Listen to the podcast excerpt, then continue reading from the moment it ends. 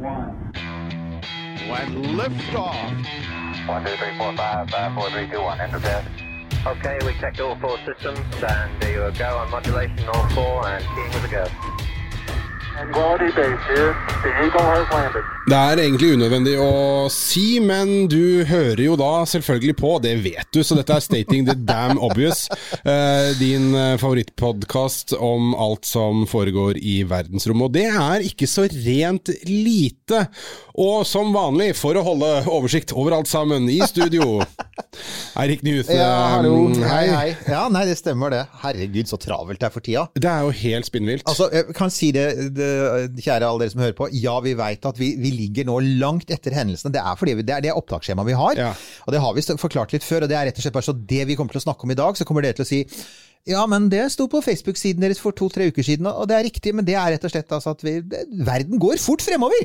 Ja. Det skjer masse, og ja. Veldig. Uh, ja, men altså, man blir jo halsen etter uansett, uh, på et vis, med mindre man hadde sittet i, måte, i HQ, uh, follow up, eh, Ja. Space Canaveral, eh, Kosmos-Ros, eh, Baikonur. Ikke sant? Og, hvis ikke man, og, så, og så kan man godt si at, så kan man godt si at eh, det går også an å være litt snarky og si at det finnes to veldig store mediebedrifter i Norge som, som disponerer milliardbudsjetter som faktisk ikke dekker noe av dette. Så, så dere, får det, dere kan få det hos oss litt sent, eller ikke i det på hele tatt. var det en eller annen form for sånn agenda der, uh, Mr. Eh, Jeg vet ikke. Jeg skal slippe å harpe, slutte å harpe på det. Men det er faktisk, så, som, som sagt, vi, vi, vi prøver å følge opp så godt vi kan. Jeg, vi, vi lar den ligge. Ja, vi- jeg tror vi gjør det. Det blir, det blir for mye, ikke, ikke Ja. mye bitterhet i den Ikke snakk om de der eh, teipene fra 69 og sånn. Don't, don't, don't mention the war! Don't mention the det må vi jo, 1969 eh, broadcast. Werner von Braun.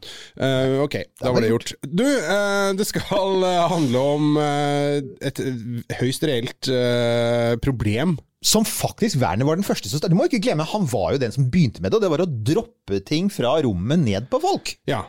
Ja. Han gjorde jo faktisk Ja, det! gjorde at- ja. Han gjorde det, og, og, men han, hans var det litt mer bevisst, selvfølgelig. You naughty nazi! Ja. You will stop that at once! Og nå er det et annet diktatur da, som har funnet ut at dette er helt, helt streit. Og det, er jo, det, det har vært ganske mye eh, aktivitet også på Facebook-sida vår. Folk stikker jo innom og, og sier sånn liksom, hva er det som skjer? Jeg så nettopp en talsmann fra den nevnte, den nevnte republikk. Ja. Uh, som uh, sa det at uh, de kom ikke til å godta noen form for fornærmelser av sitt land. Nei. Så det kan hende at det du sa der, og kalte dem et diktatur Ja, At de vil, de vil nok opponere på det, men praktisk talt så er det jo det. Kina! Kina har altså da rett og slett klart å Altså, det er klart, Kina gjør veldig mye i rommet, det vet vi jo, vi har snakket om det før. Eh, De er i ferd med å lande på Mars for første gang når vi tar opp dette. Eh, De har sendt opp kjernemodulen til sin første romstasjon, og de skal jo til månen med en kjemperakett. Og det er altså i forbindelse med denne kjernemodulen til romstasjonen, eh, som heter Tianhe, tror jeg, hvis jeg husker. Eh, Den, den, det var en sånn svær, tung, svært tungt rør som skal sveve der oppe med solceller på, og så skal det kobles til flere store biter, sånn som den internasjonale romstasjonen. Um, og I forbindelse med at de skjøt opp den, så brukte de sin siste og mest avanserte rakett, som heter Long March 5B. Og den funker da slik at førstetrinnet på denne raketten faktisk blir med opp i rommet. Vanligvis så detter jo førstetrinnet ned, eller det lander, som når det er SpaceX. I dette tilfellet så ble den faktisk ikke bare med opp i rommet, men den ble med opp i bane. Og Det er altså 22 tonn med kinesisk romskrap som så kom ut av kontroll, og så var det da en periode sånn at alle steder på jorda mellom 41 grader nord og sør, for det kom jo litt an på banen, så vi var aldri i fare.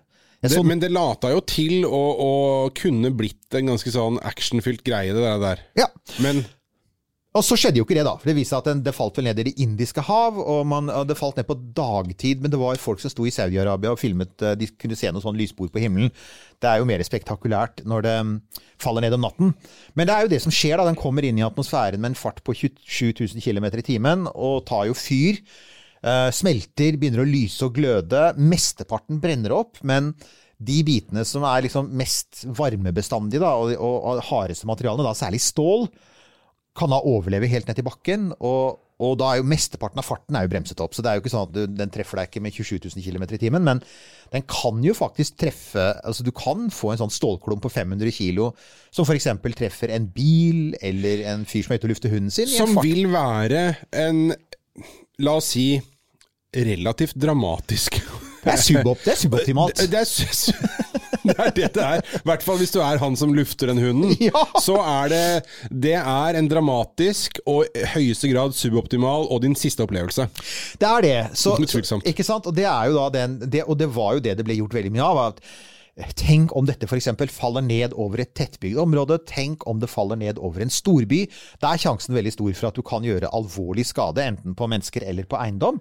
Nå Um, har jo kineserne aldri brydd seg nevneverdig om det. Helt riktig. Vi la vel ut i fjor, tror jeg vi la ut en video som var tatt opp i Kina. Altså, når Kina skyter opp eh, raketter fra innlandet Denne her eh, kjemperaketten ble skutt opp fra kysten, eh, men, eh, fra en rombase de har nede ved kysten. Men de har en av dere, de- deres største base ligger fremdeles langt inne i ørkenen, og de første trinnene de dumper de jo faktisk over sin egen befolkning. Så det lander jo støtt og stadig kinesiske førstetrinn i huet på vanlige kinesiske landsbybeboere. Og ja, Kina er et stort land, men det er også veldig mye mennesker der. Så der har det jo skjedd ting. Der har jo bygninger blitt knust, og det er jo det, det, Jeg tror det vis, den klippet som ble lagt på vår side, var vel et førstetrinn som det kom masse giftig Ja, for der er det dette her drivstoffet Ja. og sånn som er Jeg husker aldri det ordet. Nei, det er, noe. eh, sånn hypergolisk. er det vel, ja. Hypergolisk, ja. Hypergolisk, sånn Ja. selvantennende drivstoff som kineserne bruker på de gamle rakettene sine. Igjen, denne nye raketten er mer moderne, den bruker ikke det. Men, men uansett, prinsippet er det samme. De, de viser lite hensyn. og som mange har påpekt, da, eh, det er jo ikke veldig vanskelig å få til. For stort sett, når man sender opp store ting i rommet, så klarer man å få det ned igjen. Og det man gjør da, er at man setter på en liten rakett som peker i motsatt retning, og så bare bremser opp, og så faller det ned igjen med en gang. Eh, For eksempel eh, Apollo, eh, mesteparten av Apollo-trinnene, de endte, andre trinnene, de endte på den måten. De hadde en sånn liten faststoffrakett, sånn fyrverkerirakett, som pekte i motsatt retning av flyretningen, og så bare sånn, så stupte de ned i Stillehavet. Ja. Enkelt, sånn, enkelt og greit løst. Eh, Kineserne har egentlig mer eller mindre sagt at nei, eh, ikke bare gjør vi ikke det, men eh, de skal jo faktisk skyte opp to trinn til av denne typen til neste år. ja. Modulene Ventian og Mengtian har jeg funnet ut skal Ja. opp til da CSS China Space Station. Ikke sant? Og så- men det, jeg vet ikke om det har blitt nevnt. For det, det ble jo sagt at nei, nei, her var det aldri noe som var ute av kontroll. Dette gikk akkurat som planlagt. Og da er jo spørsmålet eh, som reiser seg Ja. eh, Det er Kina som sier det.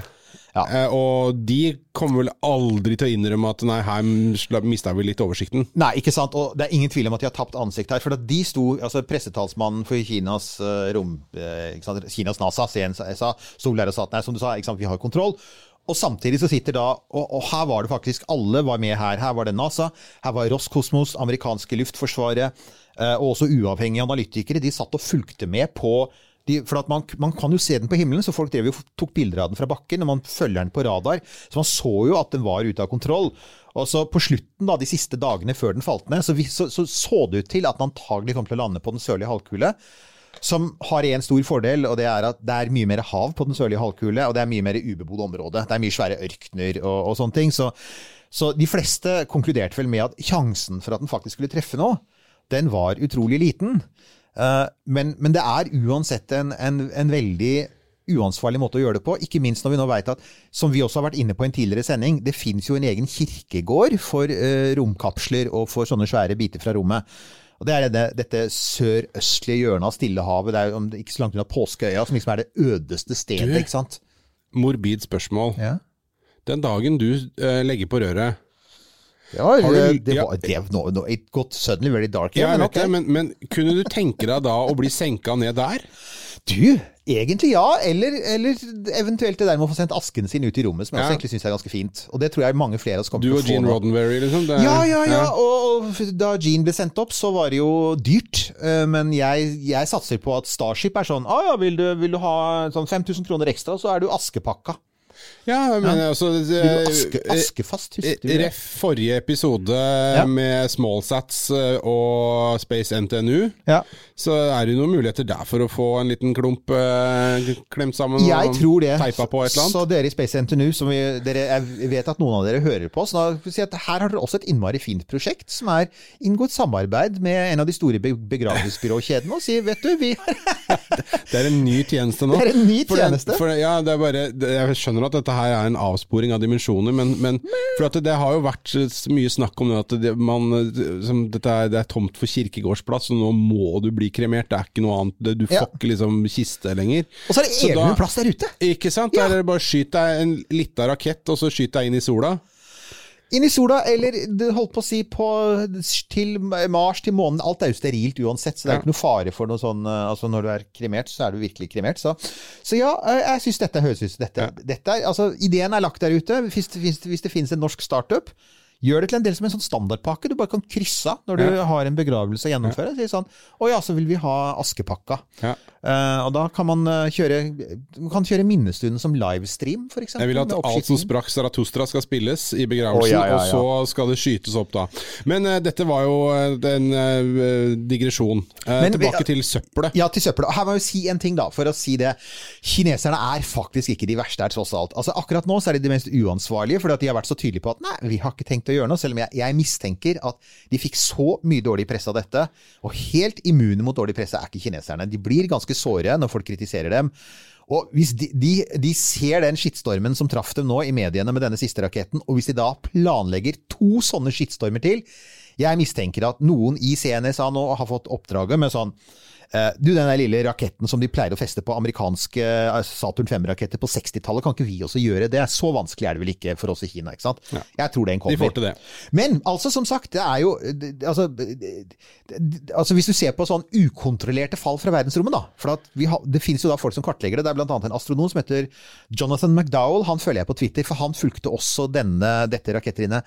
Han er ekspert på alle sånne biter som faller ned fra rommet. Mm. Så han er, han er ganske morsom å følge. Han sier ja, nå er det en ny sånn eh, svært trinn fra 1965 som driver og faller ned. Å ja, ja, ok. Ja, For at det er, eh, det er gamle biter som til ja, ja, har liksom hatt degrading Gamle, orbit, nye, og så alt mulig rart. ramler den Og, ned. og, og av og til så veit man ikke hva det er, og noen ganger Dette her har vi snakka om før. Vi har vært innom det. Vi var innom det med Pål Brekke, var vi ikke det? Og snakka om dette her, at det blir litt sånn tidskapsel, akkurat det greiene der. Sånn, for plutselig så får du ting du sendte ut eh, for mange herrens år siden i retur. Ikke sant? Det er akkurat det. Så, og, og, og det er, så vi er jo litt der. Og han har da laget en liste som han la ut på Twitter her forleden, hvor han sa ok, de, de, altså, de fem største ukontrollerte fallene, da. Eh, og øverst på den lista, han sier egentlig en nullteplass, for det var jo ikke egentlig bane da det skjedde, men det var jo romferja Columbia. Ja. Det var ukontrollert, og det spredde enormt mye debris som falt ned over ja, altså fra rett sør for Houston og langt inn, nesten ned mot um, New Orleans. Altså, det var Der jo var det vel deler av den som havna ned i hagene til folk? det, sånn, det, det, det regna. Jeg leste en bok om det. Det var, helt, var mye verre enn jeg trodde, faktisk. Det var, for at, altså, romferja, dette trinnet her, består jo, har jo ikke noe varmeskjold, det kinesiske trinnet, så det brenner stort sett opp. Romferja hadde jo et varmeskjold, den. Ja. Så, så den var jo beskytta, så det datt jo ned. Det var jo masse som overlevde der som ikke var av stål. Eh, alt som hadde liksom hatt litt varmeskjold foran seg, falt jo ned. Så det var jo for eksempel, Husker du de fant jo annet deler av en videoteip, ikke sant? Ja, med de siste stemmer. bildene fra romferja. Ja. Det er jo en plastikkassett. Jeg husker vi, de der plastikkassettene tåler jo ingenting. Overlevde ned fra rommet. Og så var det jo et, et, et sånt brett med sånne um, rundormer, Ja, nematoder. ja, Den stemmer. Det var overlevde. også noe- Så det var masse rart. Det var biologiske deler, altså kroppsdeler overlevde. ikke sant? Ja. Det er jo også sånn som normalt ville brenne opp. Så det var absolutt ukontrollert fall, og det var farlig, for det var jo igjen sånn hypergolisk brennstoff i noen tanker, og svære ståldeler som datt rett ved siden av folk som var ute med bikkja si, og det var, det var ganske dramatisk. Det var 106 tonn, det, med, med, med, med romferje som braste ned ukontrollert over Ja, Texas. Men det, nå, nå skal jo sies, altså, det var jo fint at han eh, McDowell satte den på nullteplass, da, fordi det, Ja. det var jo, dette var jo en ulykke. ikke sant? Og Det dette var det. var jo på alle mulige måter en totalt ukontrollert hendelse. Helt kontrollert, så, ja. Så han sier det, og jeg er enig med det. Så den, på, på den førsteplassen, det er Skylab. Ja. USAs første romstasjon, og den veide altså 76 tonn da den falt ned i Og jeg husker det, for det var 1979. Den falt ned over Australia, de mista kontrollen over den. Ja. Meningen var at Ja, for de skulle ha en kontrollert nedsenking av den, var det ikke de det som var planen? og så, nemlig. gikk det gærent. de, de skulle det. Og, og egentlig så var jo planen med, med rom, eh, romstasjonen Det var jo egentlig at romferja skulle fly opp og redde den. For at De hadde jo faktisk en plan for gjenbruk, men romferja ble forsinket med et par år. Den fløy først i 1981. Ja. Uh, og dessuten så var det ganske mye solaktivitet på den tiden. Det er igjen sånn Pål Brekke-tema. Sånn at atmosfæren var litt høyere, og derfor så ble den ble varmet opp og sto litt høyere enn normalt. og derfor så ble eh, Skylab bremset opp mer enn normalt, og den falt ned. Og jeg, Av og til så jeg tenkte at det, hadde jo vært, det var utrolig synd, for det hadde jo vært utrolig kult om amerikanerne både da hadde hatt romferja og den digre gamle romstasjonen. For det var jo et um, sånn Saturn 5 andre trinn med en gigantisk tank. Det er jo der du har sett uh, astronautene løpe rundt på innsiden og stuper kråker. Det var jo mye mer plass inni det volumet. Det var sånn ett svært volum. Så, det, så det, den falt ned i 79, og jeg husker at uh, jeg at, satt og så på bildene på Dagsrevyen, for at det var veldig flott. Den falt, altså det var sånn striper på himmelen. Jeg var 15 år. Og så den tredje, det var eh, det- Nummer, nummer to på lista er ned igjen. Amerikanerne. Saturn. Det er altså faktisk eh, Det, er, det var raketten som skjøt opp Skylab. Ja. Den falt ned i 1975. Ukontrollert uh, i Atlanterhavet. Og så nummer tre, det er den sovjetiske romstasjonen Salyut 7. Den falt ned over Argentina i 1991. Nummer fire, del fjerde- og femteplass, det er da Long March. For i fjor skjedde det faktisk også. Så uh, det, Long March 5B er altså nummer fire og fem på en plass, og det var da ja, eh, det, altså De er jo 22 tonn, da. Og det var altså da faktisk i fjor og i år. Så ja. Og så nevner han også, det syns jeg er morsomt, da, den aller tyngste kontrollerte fallet. Det er altså Mir. Den falt da ned i det, den kirkegården. Den ble styrt der i ja, kirkegården.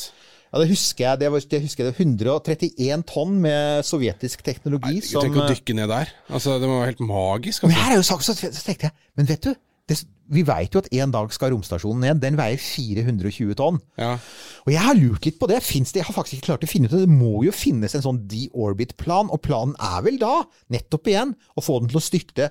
Og 420 tonn ned igjen, det blir jo, det blir jo så spektakulært. Men, men altså, det må jo kunne være mulig å dele det opp. Ja, de må jo det. Eh, For du kan ikke ta alt. Det, Ja, det, er så ja, jeg, jeg, jeg, håper jo, jeg håper jo de redder det meste av den. Men det er jo deler av romstasjonen som begynner å bli litt russisk. Eh, så, så, eh, ellers så har det jo vært eh, altså for eksempel, På den lista så står jo også Apollo 13s servicemodul, som brakte astronautene tilbake til jorda igjen. Det var jo også et kontrollert fall. som man sa, Ja. Stillehavet. Ja. Så. så ja. Men, men, altså, men kan vi bare da, Ja. før vi går videre nå, så vil si dette her er jo da ting eh, som har kommet ned på jorda, og det, det, det ramler jo ting altså Hvis vi skal trekke det enda lenger, da, så kan vi jo si at det ramler jo ting fra verdensrommet ned på jorda hele tida. Det gjør det. Eh, Jon Larsen, ikke sant, og mikrometeoritter og sånne ting. Det, ting ramler ned Det gjør det. stadig vekk, uten at eh, noen merker det i det hele tatt. Eh, men, men altså det store problemet er jo ikke det som ramler ned. Det virkelig store problemet er jo det som ikke ramler ned, er det ikke det? Jo, det er helt sant. Jeg må bare nevne en, skyte inn én liten ting her. og det er, Du har helt rett. må bare nevne Det er én innmari interessant historie når det gjelder ting som ramler ned, som vi bare må, ikke må, må glemme her. og det var jeg, for jeg, Igjen, jeg har jo levd en stund, og året før uh, Skylab falt ned, så husker jeg at det var utrolig mye snakk om en radioaktiv satellitt som hadde falt ned i Canada. Jeg, husket, jeg, jeg har alltid husket navnet. Den falt ned ved noe som het Great Slave Lake. Jeg har alltid tenkt det var et innmari rart navn. Nord-Canada. Det er altså den sovjetiske spionsatellitten Kosmos 954. Den Ja. falt ned i 1978, og meningen var at bare selve satellitten skulle styrte ned kontrollert, istedenfor styrte den ukontrollert. Meningen var også at selve atomreaktoren ikke skulle falle ned på jorda. Den skulle skytes ut i det som heter en kirkegårdsbane lengre ute, så der skulle den liksom sveve til evig tid og være radioaktiv. Istedenfor gikk det galt. Den landet i Canada eh, og spredte atomavfall. Og, altså, her Canadierne måtte sette i gang en operasjon som het Operation Morning Light, altså da i 1978-1979. Det var på vinteren.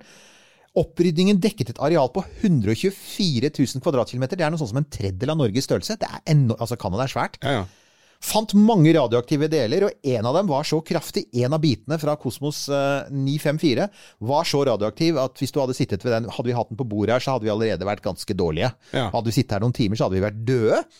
Så det Canada gjorde, var at de er de eneste landene som da har brukt Det fins nemlig en traktat, en FN-traktat, som heter Space Liability Convention fra 1972 som handler om hvem som er ansvarlig dersom noe fra rommet faller ned. og Det det egentlig sier, er at det landet som har skutt den opp, er selvfølgelig ansvarlig. Og andre FN-medlemmer kan da bokstavelig talt saksøke eh, det landet og si vi vil ha erstatning. Og det man da sier, er at som regel så er det et politisk spørsmål, for du må jo ikke, og vil du faktisk krangle med Kinas myndigheter? Men canadierne de hadde litt cojones. De manna seg opp og sa vet du, dette finner vi oss ikke. Vi finner oss ikke i at dere i Sovjetunionen, som da var en supermakt under Leonid Brezjnev og ganske mektige, sa nei, vi finner oss ikke i det. Så vi, vi, vi vil ha erstatning, og det fikk de faktisk. Så sovjeterne betalte seks millioner eh, dollar.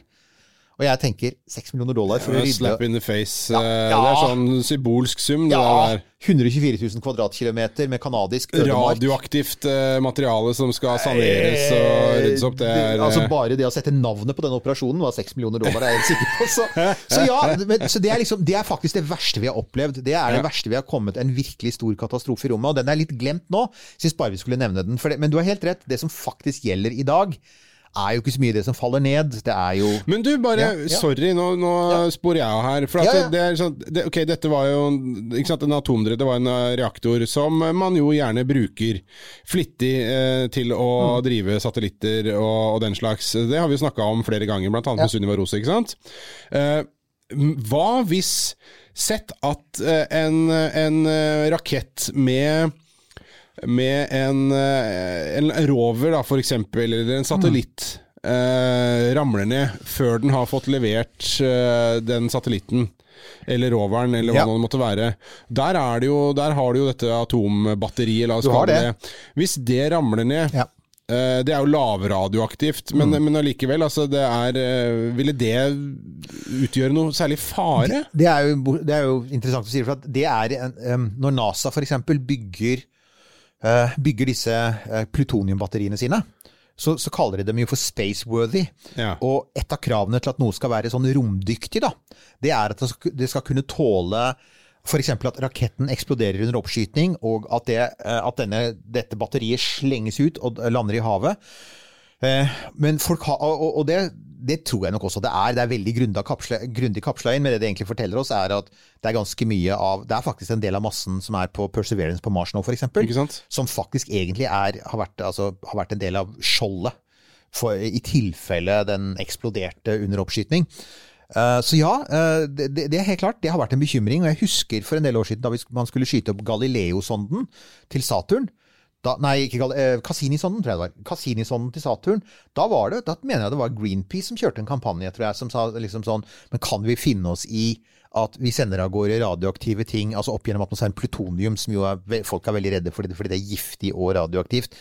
Og da svarte jo NASA egentlig ganske rasjonelt, som sa at vel, da blir det ingen ferder til Saturn, for vi kan ikke bruke solceller på Saturn. Vi vet at dere i Greenpeace er glad i solceller, men de funker ikke på Saturn. Altså, så det, det, det ble jo ikke noe av det. Mm. Jo, men, det, men da, da, der er det jo også da, hvis man skal slå et slag for kjernekraften da, og liksom være her. disippel her, Ja.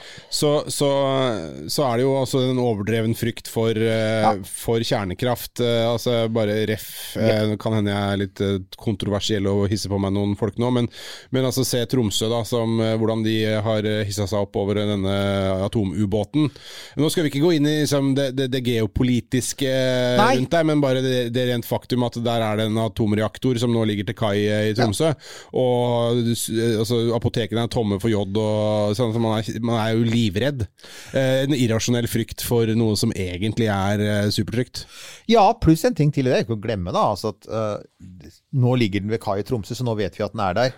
Folkens, nordområdene er hele, altså nordområdene er tjåka fulle. Det går stimer av atomubåter utenfor norskekysten. Ja. Så de er der jo hele tiden. Og det har jo vært, det har jo skjedd med russiske atomubåter før at de har hatt problemer. Så Ja. ja, så ja nei, men du har helt rett. Det er, øh, det er, altså det er der oppe. Det er radioaktive ting der oppe. Og alt i alt, da, så tenker jeg med tanke på det kineserne, får for å runde av den biten, da, med det som faller ned fra verdensrommet, alt i alt så har jo dette faktisk gått veldig bra.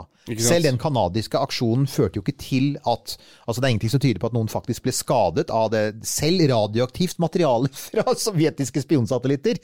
Ser ikke ut til å ha vært et veldig stort problem da det kom til stykket. Man fiksa det. Så Derfor så er bekymringen veldig mye mer, som du var inne på, er jo på det som er der oppe, og som kan treffe andre ting som er der oppe. Nettopp. Det er jo et, eh, et stort problem. Når man vet, når man vet hvor Altså Med tanke på f.eks. Eh, romstasjonen, da. Ja. Eller, eller, eller andre, andre fartøy som mennesker oppholder seg i. Eller kjempedyre satellitter eh, og ja. teleskoper og den slags. Hvor skjøre de er, eh, og hvor lite som skal til eh, hvis det blir truffet av noe. For at det er jo så enorme hastigheter at selv et, eh, et måte, støvkorn vil jo gjøre ganske stor skade. Ja, ja, ja. Helt klart. Og altså, har, du en, har du en bit på en centimeter som treffer deg med sånn typ 27 000 km i, i timen, Ja, så er det Så, så er det Det blir, en, det blir skikkelig krater av det. Uh, og det er jo, som han sier nå, det er ganske mange objekter som, er, som man vet om som er der oppe. Jeg så e ESA la ut en side om dette. Eh, våre venner i ESA. Og de mener at det nå er kartlagt ca. 30 000 objekter som man vet om, som er store nok til at vi kan se dem. Og av de så er bare 3000-3500, litt avhengig av hvor mange Starlink-satellitter sånn SpaceX du regner med. Bare rundt, bare rundt 10 da, er aktive satellitter. Resten er altså faktisk døde ting. Satellitter, rakettdeler, eksperimenter. altså ting som, og, og også sånn opp til sånn, sånn utstyr som de har mistet når de har vært utafor romskipet. Ja, det var det, var det jeg tenkte meg. Det må være en, eller annen, en og annen sånn kjempedyr Ja, ja. drill som eh, flyter rundt der ute. For det har vært en uh, Ja. Mike Massimino var uheldig og mista eller et eller annet sånt. Ja, nemlig, han snakket jo om det, hvor lett det var å gjøre det. Nei, altså, men det, den, den store bekymringen da er jo det er Altså, at det finnes titalls millioner, kanskje over 100 millioner småpartikler. Og det er mer sånn brennstoffrester fra raketter som har vært skutt opp, malingflak som har falt av under oppskyting, ting som er fragmentert, eksplodert, kollidert med hverandre. Uh, og der tror man altså at det er ca. 130 millioner biter som er mindre enn en, 1 cm, og rundt 1 million som er 1-10 cm store. Og det vil si at et, et, altså en bit på 10 cm i rommet, det er et prosjektil. Det er en kanonkule, ikke sant? Ja, ja. Så det er altså Og man tror at det er noe sånn som 9000 tonn med sånn materiale som svever der oppe. Så det er ganske svære mengder. Eh, og så selvfølgelig så er vi jo der nå at nå driver vi og nå, nå skal vi øke antall satellitter i verdensrommet veldig kraftig. ikke sant? ja, og det er jo sånn Nærmest hver dag så Eh, skyter jo Starlink, eh? Starlink opp. En, ja. en til to ganger i uka nå. Pluss at um, eh, vi skal ikke glemme at andre skal jo gjøre det samme. Det er jo One World det driver og skyter opp. eller er det One Web? Husker jeg ikke. De, dette selskapet som skyter opp De skyter jo masse satellitter opp med Soyuz-raketter. Eh, delvis eid av den britiske regjeringen. Og skal også være en sånn megakonstellasjon. Eh, Amazon, som alltid ligger litt etter Jeff Bezos ligger alltid litt etter Elon Musk. Litt! Veldig lenge etter! Og Det er nettopp kommet en bok faktisk om Jeff Bezos, hvor eh, journalisten som har skrevet den, han sier nå er det ingen tvil, sier han. Han fant massevis av tegn som tyder på at Jeff Bezos er han er sur, og han er misunnelig på SpaceX sin suksess. Ja, og nå så jeg akkurat at eh, det var en eh, nyhetsoppslag i en eller annen eh, kulørt eh, avis her at eh, nå skal han bygge en sånn superyacht, eh, Jeff Bezos. Ja, Da gjør tenker da. jeg. Bruk nå penga dine hvis du er så forbanna på Elon Musk, så bruk Ja, ja, penga der hvor Elon Musk Hvis bruker de, ikke da. så kommer du til å sitte og, og, og drikke gin and tonic på superyachten din og se Starship reise opp til Mars. Det er jo det du kommer til å se. Så det, jeg tenker, ok. Nei, så, så det, det er stadig flere satellitter. De har jo et eller annet alt mellom 10 000 og 40 000 satellitter. De er jo litt usikkert hvor mye de ender opp med. Eh, og der er det jo sånn også at selvfølgelig disse satellittene kan jo bli skadd av det romsøppelet som er der oppe, og de kan jo selv bli romsøppel. Nå er jo alle Starlink-satellitter og alle moderne satellitter fra, fra Vesten er utstyrt med små motorer som skal ta dem ned og styrte dem i den kirkegården i Stillehavet mot slutten av livet. Men det er klart, hvis du har 40 000 satellitter, da, og 1% svikter, og det må du regne med Ja. 1 kommer ikke til å tenne, eller 1% kommer til å, å slokne før du rekker å tenne den raketten på slutten. Ja, da har du 400 svære, tunge klumper med romsøppel som driver der oppe. Ikke sant? 1202.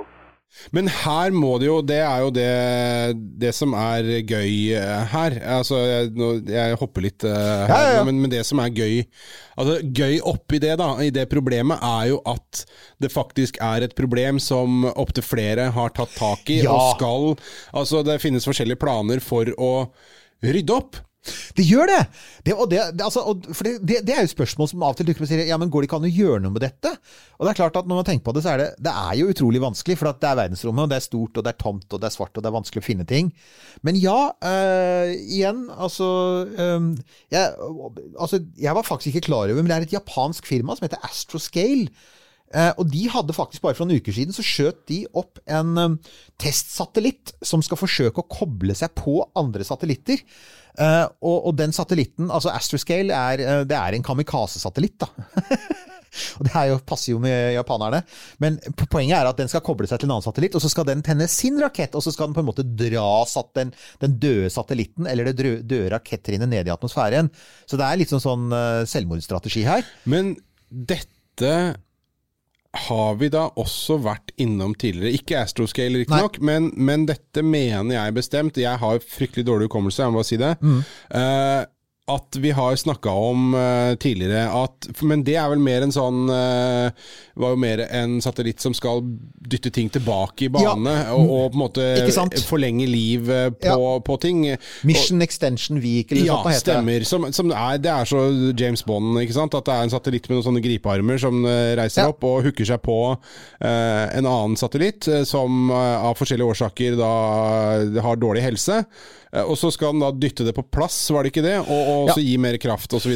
Helt riktig. Holde, ikke sant? Hvis du har en satellitt, nemlig, hvis du har en satellitt til 5 milliarder dollar, da, så kan det hende at det er lurt å sende opp en satellitt til 1 milliard som, som faktisk får den satellitten til å leve i ti år til. Ikke sant? Og det er en fin, og det er faktisk, det er, Men det er jo riktig som du sier, det er jo en del av hele romsøppelproblemet. For det er klart, Å holde gamle satellitter i live er også en måte å redusere romsøppel på. For hver gang du sender noe opp i rommet, så sender du også en rakett opp. Og, og, og da, igjen, det detter av malingflak og alt mulig sånn, så hver gang du slipper å sende opp en stor og kraftig rakett med en ny satellitt, så er det a, good thing. Uh, og hvis du kan bygge en sånn mission extension vehicle som kan fly, ikke bare gjøre det én gang, kanskje besøke flere satellitter, uh, og, og gi litt juice og kanskje fikse dem, så er jo det egentlig en innmari god plan. Det er jo litt det våre venner i Astroscale da, har tenkt å gjøre. fordi at et av problemene som de har, uh, er jo at når de skal ta ned en ting Av og til så veit de åssen satellitten ser ut. Men det er ofte de ikke veit det. Altså, for eksempel, den kan være veldig gammel. Eh, Det er ikke sikkert det finnes gode planer. Den kan ha blitt skadd, den kan ha blitt truffet av ting. Den kan spinne, ikke sant? Eh, rotere på rare måter. Så eh, disse satellittene som da skal reise opp, fange dem og så ta dem ned igjen, de må jo da finne festepunkter. Og det er klart, Ingen av disse satellittene blir utstyrt med noen sånn praktiske gripehåndtak. Det er ikke taukrok på de. Det er ikke taukrok på de, det er nemlig det. Så istedenfor så har du Så det de tar med opp, er eh, magneter, selvfølgelig, for å prøve å finne noen ståldeler som de kan eh, koble seg til, og håpe på at magneten holder. Og så, også, så er det også snakk om gripearmer. Og der er det jo da Jeg ser for meg sånne du vet, disse her gripearmene som de har på sånne um, ubåter. Jepp. Og, og den kommer det nå, skjønner du. Det er en ESA, det igjen, våre venner i ESA. Uh, I 2025 skal det sendes opp en ESA-satellitt med robotarmer. Og den kaller de foreløpig for Clear Space, selvfølgelig. Hallo! Clear Space! Den skal Clear Space, det høres ut som noe som du, eh, som du sånn nesespray eller øredråper Ja. og sånn for å Å, sliter du? Det høres ut som noe du kan bli avhengig av hvis du bruker det for mye. Ja. eh, For å si det sånn. Sa han bittert. Men uansett. eh, Den skal da fly 600 km opp, og så skal den koble seg til et 100 kg tungt rakettrinn fra en ferd i 2013. Og den er jo på en måte perfekt. For ok, det er en del av et rakettrinn, med andre ord. Det er en sånn der eh, karbonfiberbit som driver og spinner rundt der oppe. Så nei, du kan ikke bare si sånn klamp med en magnet. Du har ikke noen taukrok. Du må liksom sånn Nei, du er faktisk nødt til eh, ha- Bruke makt. Bruke altså. makt og robotarmer, så må du klype deg fast. Så må du kanskje stoppe rotasjonen. Og så skal da Clearspace 1, som den heter, den skal da tenne returraketten, sånn at den bremser farten sin. Og så skal de styrte ned i atmosfæren sammen. Og så skal de, så skal de det, er, det er skikkelig kamikaze. Det er jo kult, da. Ja, jeg, men altså Måtene det gjøres på, altså det er ok. Eh, havplast er et større problem enn romsøppel, og der har de jo liksom Ja. mange gode løsninger eh, som de kan sette i verk hvis det bare er nok eh, økonomisk vilje til det. Ja. Og kjøre ut med, et- og med nett og alle mulige sånne ting. Det er mange fine løsninger. Men eh, altså, i, verdensrommet så er det Da kan du ikke ta en tråler med et svært nett. Man kunne jo sett for seg det. To satellitter med et svært nett mellom, men dra, drar jo med deg ting som gjerne skal fortsette å være der også. Eh, Ja. Litt sinnssyk plan, akkurat det. Men, men det som Og det har jeg vel sagt før også, jeg liker det at man tar dette problemet på alvor. Noen har sett at, ikke sant, har skjønt at ja, men her er det en utfordring. Vi har et problem med all, all dette skrotet. Og nå løser vi det. Ja, og Prøver det i er, hvert fall. ikke sant? Og det er jo også sånn at um, det har vært snakk om uh, Det er mer sånn på, på planleggingsstadiet.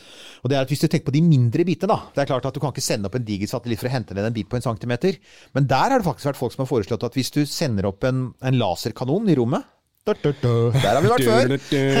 Der, vi, ja, vi som husker Vi som har sett noe James Bond, nemlig. Det er mye sånn I space want baked laser. one million dollars! Oh yeah, Og så er det den derre um, Under Siege 2 med Steven Segal, den på toget. Den syns jeg er så bra. Unnskyld, der avslørte jeg det noe. Der er det faktisk en sånn space Der er det en sånn det? laser som skyter ned på bakken, så vidt jeg husker. De tar over kont... de, Halve filmen handler om at de løper inn på et tog og forsøker å få tak i kontroll C. De har en sånn DVD som de putter i en laptop, og som styrer eh, Space Space. Oh, ja, okay. Så ja, det, det kan hende at det vekker litt motstand. Det for en referanse! Jeg gjorde. Steven Segal, Ja, ja, ja. Siege 2, liksom. Det ja, ja, ja, det er fordi at jeg har en sånn hemmelig greie med Steven Seagal. Den er ikke så hemmelig lenger nå, da. Nei. Jeg satt en gang, jeg bare, bare sier det, jeg satt en gang en hel formiddag på et hotell i New Delhi og ventet på at han skulle komme gjennom lobbyen, for jeg hadde hørt Jeg bodde på samme hotell som han ved en tilfeldighet. Så jeg satt bare og venta for å se Mr. Seagal. Han var der for å meditere, da. Han er så gæren, han. Han er helt sprø. Han er Sist- blitt så gæren, han. Han er blitt russisk statsborger, eller er hviterussisk og spiser eh, agurkene til Lukasjenko? Ja, ja, ja. Hvis det er lov å si, da. Ja, det, det, det, er to bokstaver. Eller var det gulrøtter? Uansett. Uh, Space-based lasers kan brukes til å skyte på sånne der småting, sier man. Ja. Hvis du skyter i riktig vinkel, så vil det da liksom komme litt sånn gass når du treffer dem, og det vil fungere, fungere som en sånn bremserakett. Ja! Så det, så det de har kalt det, er for The Laser Space Broom. Altså laserfeiekosten i rommet. Det er så, The Laser Space Broom er bare Noen må gjøre det! It's awesome! det, Det det er jo så bra. Og det sånn Mr. Bond, Broom, yeah. I have the laser space broom ready for you. Så ja, um, og så er det selvfølgelig siste tingen her. Så vi veit jo også jo, altså, Alle snakker om det. Eh, og veldig mye hver gang jeg legger ut noe på Facebook, så er det sånn Er det noe med Starship å gjøre? Yes. Og, og folkens, ja. eh, nå skal faktisk eh, Vi kan jo si det for det er litt relevant. eh, og det, nå veit dere hvor lang produksjonstid vi har. Ja, det er nettopp blitt kjent at nå kommer den første ferden i løpet av sommeren. 2021 så skal det sendes opp en testflight, men de er veldig nøye på at det som sendes opp, da Starship skal opp i bane, men den skal også da ned igjen i atmosfæren. Den skal splashlande i Stillehavet. Og det er nettopp fordi, som Elon Musk sier, han veit at det er romsøppel. Eh, og de- vil se om den klarer å overleve gjennom atmosfæren.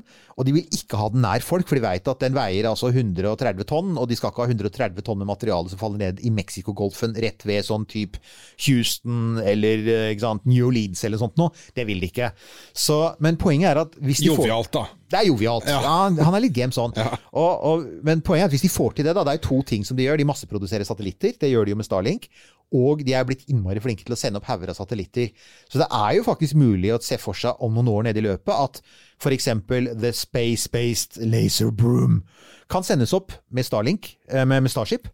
Eller at man sender opp en flåte av sånne killer satellites som bare flyr rundt og fanger Altså, du sender ikke opp én av gangen, som ESA vil gjøre. Nei, du sender opp 500 småsatellitter som bare tar en sånn diger opprydningsaksjon og flyr rundt og tar ned sånn halvparten av romsøppelet fra 60-tallet. Det er jo da faktisk praktisk mulig, hvis vi får det til. Så det er en av de tingene for jeg, altså, Selvfølgelig, Musk liker jo ikke romsøppel, for han, han skal drive Starling, Han skal tjene penger på Starling. Han liker jo ikke at det er masse ting der oppe som kan treffe satellitten hans. Nei, Så han har stor interesse og av det. Nei, ikke sant. Og i tillegg så har jo altså Det er jo mange som har, eh, som har eh, kritisert eh, Elon Musk for eh, bare overhodet å sende opp satellittene, fordi de mener at sant, det, det forurenser himmelen. Ja, ja, og- uff, ja liksom- dessverre. så- ja, og det er, jo, det er jo noe i det. ikke sant? Du får, lys, altså, du får massevis av lysspor på himmelen. Men når det skal sies, da Vi veit at Starlink har brukt mye tid og krefter på å lage de har kalt dem for Dark Star-satellitter. Ja, de, har, de har forandret på vinkelen på solcellepanelene, sånn at ikke det reflekterer så mye lys ned til jorda. De har forsøkt å male dem så mørke de kan. De kan ikke male dem altfor mørke, for at da det er sterkt sollys der oppe, så når de er på solsiden, så kan de overopphetes. Så de må faktisk reflektere noe av lyset. Um, alt i alt så virker det faktisk som om, om altså, Han var ja litt sånn defensiv på starten og sa nei, det er ikke et stort problem, og så fikk han se bildene som viste at jo, jo, det kan bli et stort problem. Så ja, det kan, det kan bli en stor utfordring. Eh, det jeg tipper, er vel at eh, hvis Starship lykkes, og nå er det jo Det får vi antagelig vite i løpet av sommeren, om dette kommer til å funke. Så tror jo jeg at vi, det blir så billig å sende opp romteleskoper at kanskje om fem-ti år så er, astro, så er astronomer der Skal vi i det hele tatt ha profesjonelle instrumenter på bakken? Skal vi ikke bare ha alle i rommet like gjerne? For der er det aldri skyer. Der er det krystallklare bilder av liksom Alt er maks, egentlig. Ja, men, ja, ja, ja, ja, det er jo ikke selvfølgelig et, et argument, men det, altså, det er jo en, en, på en, måte en, en omgåelse av en rekke utfordringer. Det er det, Men, ja, men jeg, jeg tenker altså, ak- hvis vi skal holde oss til dette her med romsøppel, da, så tenker jeg at det, det, det er jo også litt sånn eh, tegnende, tenker jeg, at man har kommet til en eller annen form for eh, hva skal man si, modningsprosess når det gjelder å skyte opp ting i verdensrommet og utforskningen av verdensrommet. Da. For at man også begynner å tenke på eh, konsekvenser litt ned i løypa. Og jeg vil anta at eh, romsøppel var, det var ikke øverst på agendaen eh, på 60- og 70-tallet. Du har, du har Da tenkte man ikke over at det var et problem, for da var verdensrommet var så svært. Akkurat sånn som havet var, ikke sant? Jeg tror faktisk første gang man begynte å skjønne at det var et problem, var nettopp de to sakene vi snakket om. Altså Skylab i 1979, ingen tvil. Da husker jeg at folk begynte å si oh, wow, disse tingene kan jo faktisk treffe sånn type Australia. Det kunne kanskje ha truffet Sydney, liksom. Og selvfølgelig den, den sovjetiske satellitten over Canada, som også var sånn wow, det er, det er, er, det faktisk eh, kjernereaktorer som svever over oss, ikke sant? Det var første gang det ble litt bevissthet om det. Men ja, altså synet på romsøppel var jo som synet på alt mulig annet søppel den Ja, det var altså. ikke noe problem. Vi bare brenner opp eller kaster det her. Ikke sant, det var ikke noe sånn eh, klimaendringer, og det var ikke noe plast i havet, og det var liksom sånn det var så vidt man var begynt å bli oppmerksom på at ok, kanskje det er sånn at vi forurenser naturen på en måte som kan være skadelig på lang sikt. Eh, så ja, bevisstheten var lav, og er- du har helt rett, det, er, det har skjedd en voldsom bevissthetsendring. Så jeg vil jo si at i så måte så er jo faktisk megakonstellasjonene som, folk, som på en måte bidrar til romsøppel, for det gjør de jo. Eh, sender du opp 40 000 satellitter, får du mer romsøppel. Men samtidig, da. Dette er, jo den, dette er jo da det første virkelig store romprosjektet hvor det samtidig alle er veldig klar over at dette må ned igjen. Altså, det som heter sånn, Man kaller det for end of life services. Jeg syns jo det er sånn slutten av livet services. Det høres jo er Hjemmetjenesten. ja, det er litt sånn. Plutselig, plutselig ble vi litt morbide her, men det er altså faktisk Det er jo altså Dette um, japanske firmaet som vi nettopp nevnte, de har jo de, altså Det er det de har tenkt å gå ut og selge, da. Ja, og, Satellite End of Light Services, og det, det syns jeg er kult. Altså, for da har vi kommet langt. Da er det ikke bare sånn at vi sier å, dette er en fin ting vi burde tenke på. Nei, nei, det begynner å bli business av det. Det er faktisk så konkret og seriøst at du tjener penger på det. og, ja, og igjen, ikke sant. Eh, tilbake til, eh, til Elon og, og, og SpaceX, ikke sant. Som gjør det enklere og billigere og hyppigere å sende ting opp i verdensrommet. Det er klart, da vil det jo også bli enklere å sende opp eh, cleanup crew.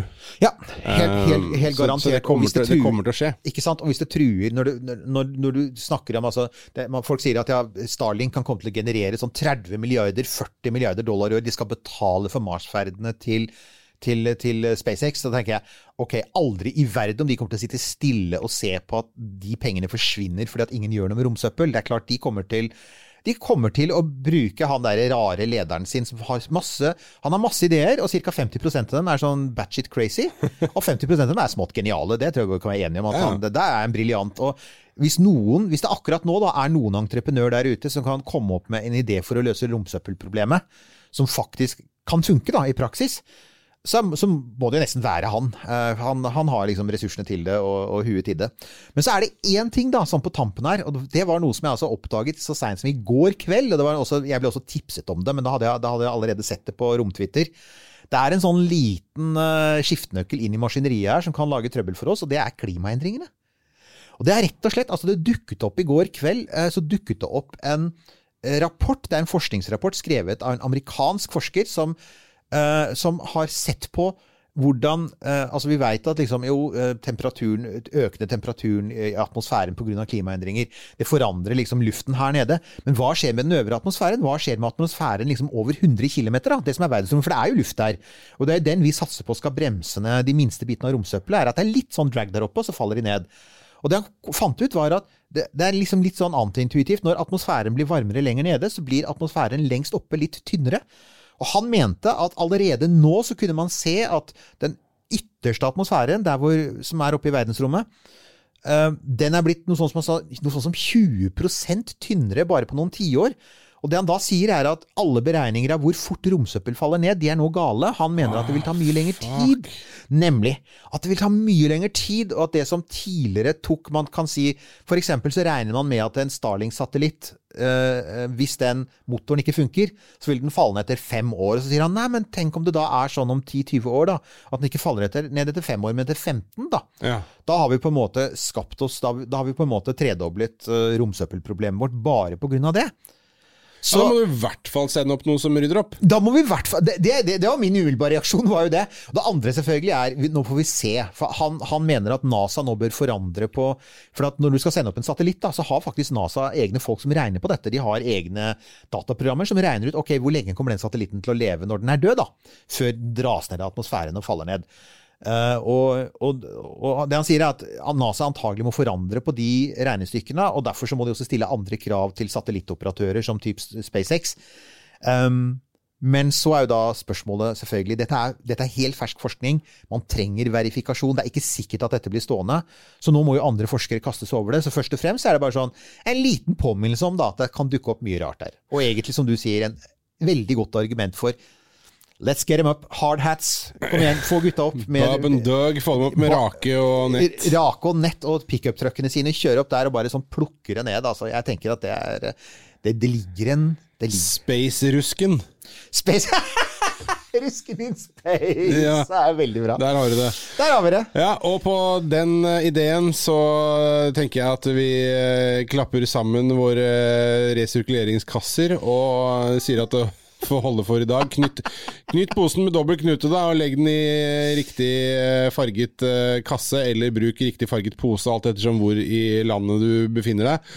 Uh, og så får vi si det. Uh, Instagram, Facebook, uh, interweben, romkapsel.no. Ja. we're all over the place. De vanlige stedene. Ja, og så høres vi da, vet du. Vi høres igjen veldig snart.